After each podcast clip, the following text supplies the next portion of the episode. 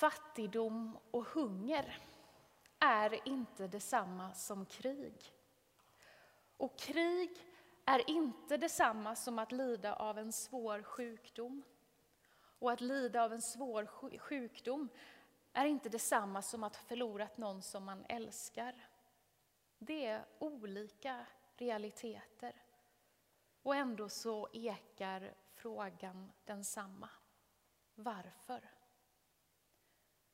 Hon hade fått utstå mycket. Det är så Markus beskriver den tillvaro som har varit kvinnans. Hon som blöder under de senaste tolv åren. Några få ord sammanfattar allt kvinnan har tvingats leva under. Blödningarna i sig såklart, men också det faktum att hon enligt lagen inte fick lov att röra någon, vara nära någon så länge hon blödde. Tolv år av social isolering. Desperationen vilar i orden, det hade kostat henne allt hon ägde, men ingenting hade hjälpt. Vi vet inte vilket liv hon hade levt innan. Hon är en i raden av många sjuka som ryms i Bibelns texter. En del av de sjuka blir friska, andra ber desperat om att få bli det. En del sjuka förblir sjuka. Där skiljer sig inte Bibelns tid från vår. Sjukdom, död, lidande är fortfarande en ofrånkomlig del av de villkor vi alla delar. Trots fantastiska framsteg både i sjukvård och fredsinsatser. När den här kvinnan kommer fram till Jesus så är han redan på väg i ett helt annat ärende. Han är på väg för att han ska hjälpa Jairos dotter som är nära att dö. Och fastän Jesus slet ut sig till både kropp och själ för att lindra och hela de människor som trängde sig på med alla sina olika problem, så blev inte hela världen fri från sjukdom. För en del så blir detta i sig ett bevis för att Gud inte finns.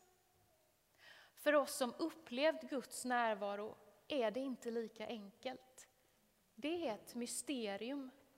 Var finns Gud i en värld som lider? Varför gör Gud inte mer?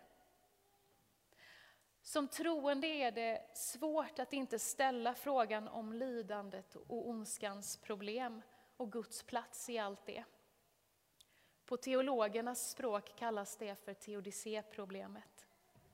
I korthet så innebär det hur Gud kan vara både god och allsmäktig när ondska och lidande existerar i världen. För vissa är svaret enkelt. Det är bara att stryka något av antagandena så är problemet löst. Gud är inte god, alltså kan ondska få finnas. Eller?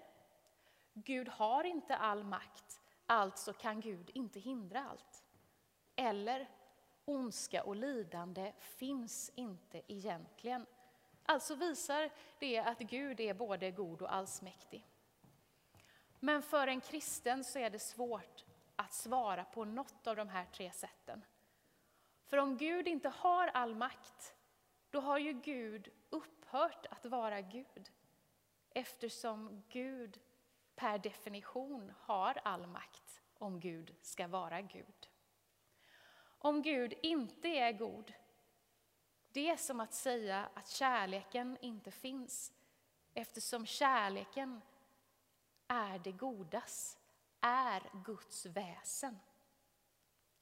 Och om vi säger att ondska och lidande in, inte existerar, då blundar vi för världen så som den verkligen är. Alltså måste vi förhålla oss till att det inte logiskt går ihop. Det är klart att det går att hitta svar som kanske når en bit på vägen i detta för att få det att gå ihop. Som att vi människor är skapade med en fri vilja. Att vi ibland därför väljer att göra det som är ont och inte det som är gott. Det i sin tur får större konsekvenser än bara för mitt eget liv. Så långt kan nog de flesta av oss hålla med. Men när katastrofer inträffar som är bortom vår kontroll så är det ändå rimligt att fråga sig om det bara handlar om vår fria vilja. Ett annat led i svaret det är att det också finns onda krafter i världen som kämpar emot oss, emot Gud och det goda. Också det svaret räcker en bit på vägen, men inte helt om Gud verkligen har all makt. Kan det vara så att den här kvinnan som har haft blödningar har en hel del att lära oss? Hon som hade prövat allt under 12 års tid. Sjukdomen hade slått tillbaka än värre av hennes försök att bli frisk. Säkert ville hon många gånger ge upp, men hon kunde bara inte. Därför att hon bar på hoppet om att det finns en väg ut ur hennes lidande, även om hon inte hade hittat den. När hon rör vid Jesu mantel så har hon ingen aning ifall hon kommer att bli frisk eller inte. Hon har hört rykten bara om vad han förmår. Men hon vet att hon tar en enorm risk genom att röra vid honom. Hon är utstött och oren i samtidens ögon. Så när hon ser Jesus så riskerar hon mycket när hon rör vid honom, även om hon gör det i smyg. Men hon kan ju inte göra det i smyg, för Jesus ser henne. Jesus känner att kraft går ur honom. Och han vet att det var något speciellt som hände. Fastän hur många som helst rör vid honom så vet han att det hände en särskild sak med en särskild person. Vad för straff och följder som skulle komma av att kvinnan nu vågar kliva fram och erkänna, det vet hon inte heller, lika lite som hon visste att hon skulle bli frisk. Men hon gör det ändå, för att hon måste, för att hon vill. Kanske för att hon bärs av hoppet. Kanske för att hon också i sin sjukdoms allra värsta dagar lärt sig att vara trogen sanningen. Det kunde hon alltid hålla sig till. Rädd och darrande är hon, men hon gör det ändå. Det är när hon ligger där på sina knän som Jesus ger henne upprättelsen. Min dotter, säger han. I den stunden så blir hon inte bara fri från sin sjukdom. Jesus söker efter henne för att ge henne mer. Han ger henne upprättelse som en gudsdotter. Det som har varit sant hela tiden, oavsett vad hon var i de andras ögon. Och det är vårt uppdrag som Fässbergs församling att göra som hon. Att inte ge upp hoppet.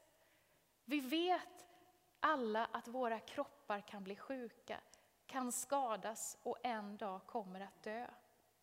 Vi vet också att varenda liten varelse i detta universum är oersättlig och oändligt värdefull. Både dödligheten och värdefullheten ryms i var och en av oss. Och vi är dödliga och värdefulla också när ondskan visar sitt fula ansikte. Det är fortfarande vårt gemensamma uppdrag att vara jordens salt för att förhindra den här världens förruttnelse och världens ljus. Det som talar om Gud och hoppet som aldrig är ute. För det finns högre värden som vi är satta att kämpa för, som är värda att till och med dö för. Som freden, att få leva i frihet. Varje människas okränkbara värde som har sin grund i Guds oändliga kärlek. Det är lätt att hata sin fiende Eftersom fienden är den som i grunden hotar mitt liv, hur den än visar sig. Men Guds uppmaning det är att vi ska älska våra fiender. Be för våra fiender. För när det gäller kärleken till varje skapad varelse så är Gud opartisk. Och även om vi kanske står oförmögna att sörja fiendens förluster därför att vi sörjer våra egna, kanske till och med står där med avsky på grund av allt det som har tagits ifrån oss eller tagits ifrån andra, så är Guds hjärta sörjande över all förlust, över allt lidande. Och när vi undrar vad Gud är när världen lider och ondskan är så stor, så är svaret att Gud är mitt i. I varje människa som lider, lider Gud. Och Gud gråter över en värld i krig. Gud kan bara älska. Guds svar på vårt lidande, det är korset. Det är Jesus. Korset står både för smärtan över att kärleken trampas på, att Jesus misshandlas och hånas. Men det står också för Guds medlidande med oss. Det visar Gud genom att själv bli som vi, lidande, kämpande, frestad, som övervinner för vår skull. Gud ber oss att inte släppa taget om tron på kärlekens seger över allt som är förgängligt, allt som är ont. Att vi som kvinnan med blödningar ska hålla fast vid livet, hålla fast vid sanningen. Gud visar sin makt över det onda genom att ge upp allt för kärlekens skull. I en värld som är rädd för ondskan kanske främst handlar om människor som är rädda. Där behöver vi grunda oss i tryggheten och tilliten och lyssna på Guds kallelse till oss. Den som ekar genom tiderna fram till den dagen då Gud till slut ska göra upp med allt vad lidande och ondska heter. Och det är Guds medlidande som vi drabbas av när vi får den där känslan av att vi måste göra någonting. Vi vill göra skillnad. Det är Guds kallelse, rösten inom oss som säger att det är dags att stå upp mot ondska och lidande. Och om du känner en sån längtan efter att göra skillnad så har vi några konkreta idéer Visst är det så, Hanna? Var är du någonstans? Där står du! Du får berätta för oss vad vi kan göra.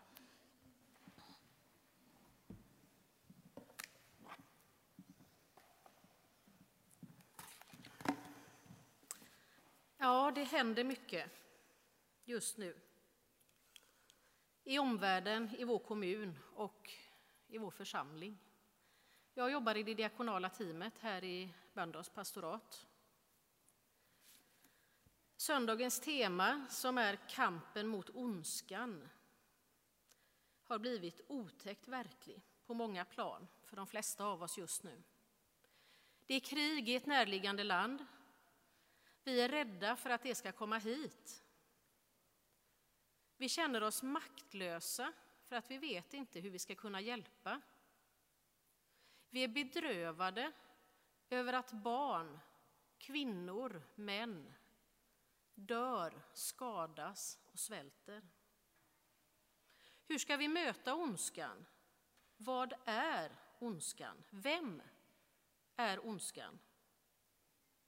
Vi är arga för att det här överhuvudtaget kan hända i en upplyst värld 2022. Vem eller vad ska vi vara arga på? För vem eller för vad fäller vi våra tårar? Det är svårt att sortera känslor, tankar och upplevelser. Vi behöver stöd, vi behöver tröst. Vi behöver varandra. I församlingen, i vår kommun, i omvärlden. Vi behöver Guds omsorg. Och vi behöver tilliten till att det goda ska segra. För det gör det. I församlingen och hela pastoratet så pågår många aktiviteter just nu, som eh, Linda sa, för att försöka ge stöd åt de som drabbas av kriget i Ukraina. Vi rivstartade ju med en insamling här för ett par veckor sedan och fyllde hela fyra fulla pallar som skickades till östra Polen och in i Ukraina. Stort tack för de gåvorna. Nu är läget ändrat och dagligen så kommer det busslaster, färger och privatbilar till Sverige med människor som flyr. Därför har vi valt att ställa om vårt stöd till de människorna som kommer hit till Mölndal.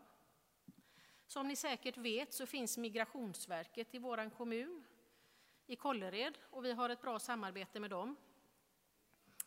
I en av byggnaderna inne på området så finns vi närvarande med tolv andra frivilligorganisationer eh, där vi bland annat ansvarar för klädrummet dit de boende kan få komma och välja kläder. För många av de som kommer har bara med sig det de har på sig. Vi delar också ut hygienprodukter i den mån vi har, binder och blöjor och givetvis så bjuder vi på kaffe och fika och samtal. Vi har även kontakt med de ankomst och evakueringsboendena som Mölndals stad har upprättat på uppdrag av Migrationsverket. Och vi försöker förse dem med det som idag saknas människorna som hamnar där. I fredags till exempel så levererade vi leksaker för att inrätta ett lekrum på ett av boendena. Och då skickade vi även med lite chips och choklad till fredagsmyset. Här nere i församlingshemmet så har vi lagt in två extra mottagningstider för de som anländer till kommunen. Och även där så erbjuder vi kläder, hygienprodukter och så försöker vi svara på alla de frågorna som ställs. Det kan vi ju givetvis inte, men eh, vi gör så gott vi kan och svarar på det vi vet. Vi har även viss juridisk rådgivning också med hjälp av Asylrättscentrums jurister. Och här finns fika och möjlighet till samtal. Vi utökar även den matdelningen som vi har haft en tid tillbaka här i församlingshemmet för att ta höjd för de som inte bor på Migrationsverkets boenden. Däremot så tar vi oss inte an några boendeförfrågningar själva, men vi kommer att lägga upp information om vad som kan vara att tänka på om man som privatperson vill upplåta en plats till någon som kommer. Vi håller även på att se över vilka andra verksamheter som vi kan omstrukturera för att möta de som kommer till kommunen. Språkcaféer, barnverksamheter, öppettider i kyrkan är några av dem. Sen har Mölndals galleria här nere upplåtit en lokal för oss att använda. Och vi kommer förmodligen inom kort att starta en handla för andra-verksamhet där. Och det innebär att eh, vi kommer att lista de mest akuta produkterna som behövs och så kan man handla i affärerna inne på gallerian och lämna in till oss. Eller om man har Eh, de grejerna som står på listan i gott skick hemma går det också bra att lämna in där eller i församlingshemmet. Vad vi dessutom gör, det är ju att rekrytera volontärer nu. För allt det här som vi gör som jag har berättat om, det görs ju utöver den ordinarie verksamheten som löper på som vanligt än så länge. Den 31 mars klockan 19 Eh, så kommer vi att ha ett informationsmöte för volontärer. Så missa inte det. Men alla kan ju inte vara volontärer såklart. Men vi har ju sett att det finns ett fantastiskt engagemang och vilja hjälpa till. Vi tar fortfarande emot saker i församlingshemmet mellan 9 och 15 på vardagar. Men just nu har vi väldigt, väldigt mycket kläder och en stor brist på annat. Det som behövs akut i dagsläget är inte kläder, utan följande. Det är underkläder och strumpor. Det är stor brist på det badtofflor För man delar ju på gemensamma hygienutrymmen här, utrymmen på de här boendena och då vill man gärna ha ett par tofflor. Hygienprodukter, allt som har med dusch och kroppsvård att göra, bindor och blöjor. Hemmaapotek, Alvedon, plåster, sårtvätt, nässpray, sådana här receptfria läkemedel. Powerbanks är det brist på, nappar och nappflaskor. Det är det vi har på vår lista just nu. Det kan komma att ändras. Sen något annat som hjälper väldigt mycket, det är ju pengarna på vårt diakonala gåvokonto. Eftersom allt är så ovisst just nu så behöver vi och är beredda att ställa om på väldigt kort tid. Och då är det en väldigt stor fördel om vi snabbt kan köpa in det som behövs akut från det kontot. Så fortsätt gärna att stötta vårt arbete ekonomiskt om ni har möjlighet. Men som jag sa, allting kan ändras med kort varsel redan nästa vecka. Vi försöker uppdatera informationen på våra sociala medier och på vår hemsida. Jag kommer att finnas kvar här idag om någon vill fråga något eller prata, annars finns jag i församlingshemmet. Slutligen så vill jag knyta an till det hopp som Linda pratar om. Kvinnan vars hopp var så stort att hon trotsade omgivningens fördömande för att möta Jesus. Hoppet vi själva har när vi skänker några paket bindor, ett gosedjur eller en liten summa pengar för att ge en något ljusare framtid för en medmänniska. Hoppet, kära församling, om att kärleken ska nästla sig in i det innersta av ondskans hjärta och ta över. Då, när det goda segrar.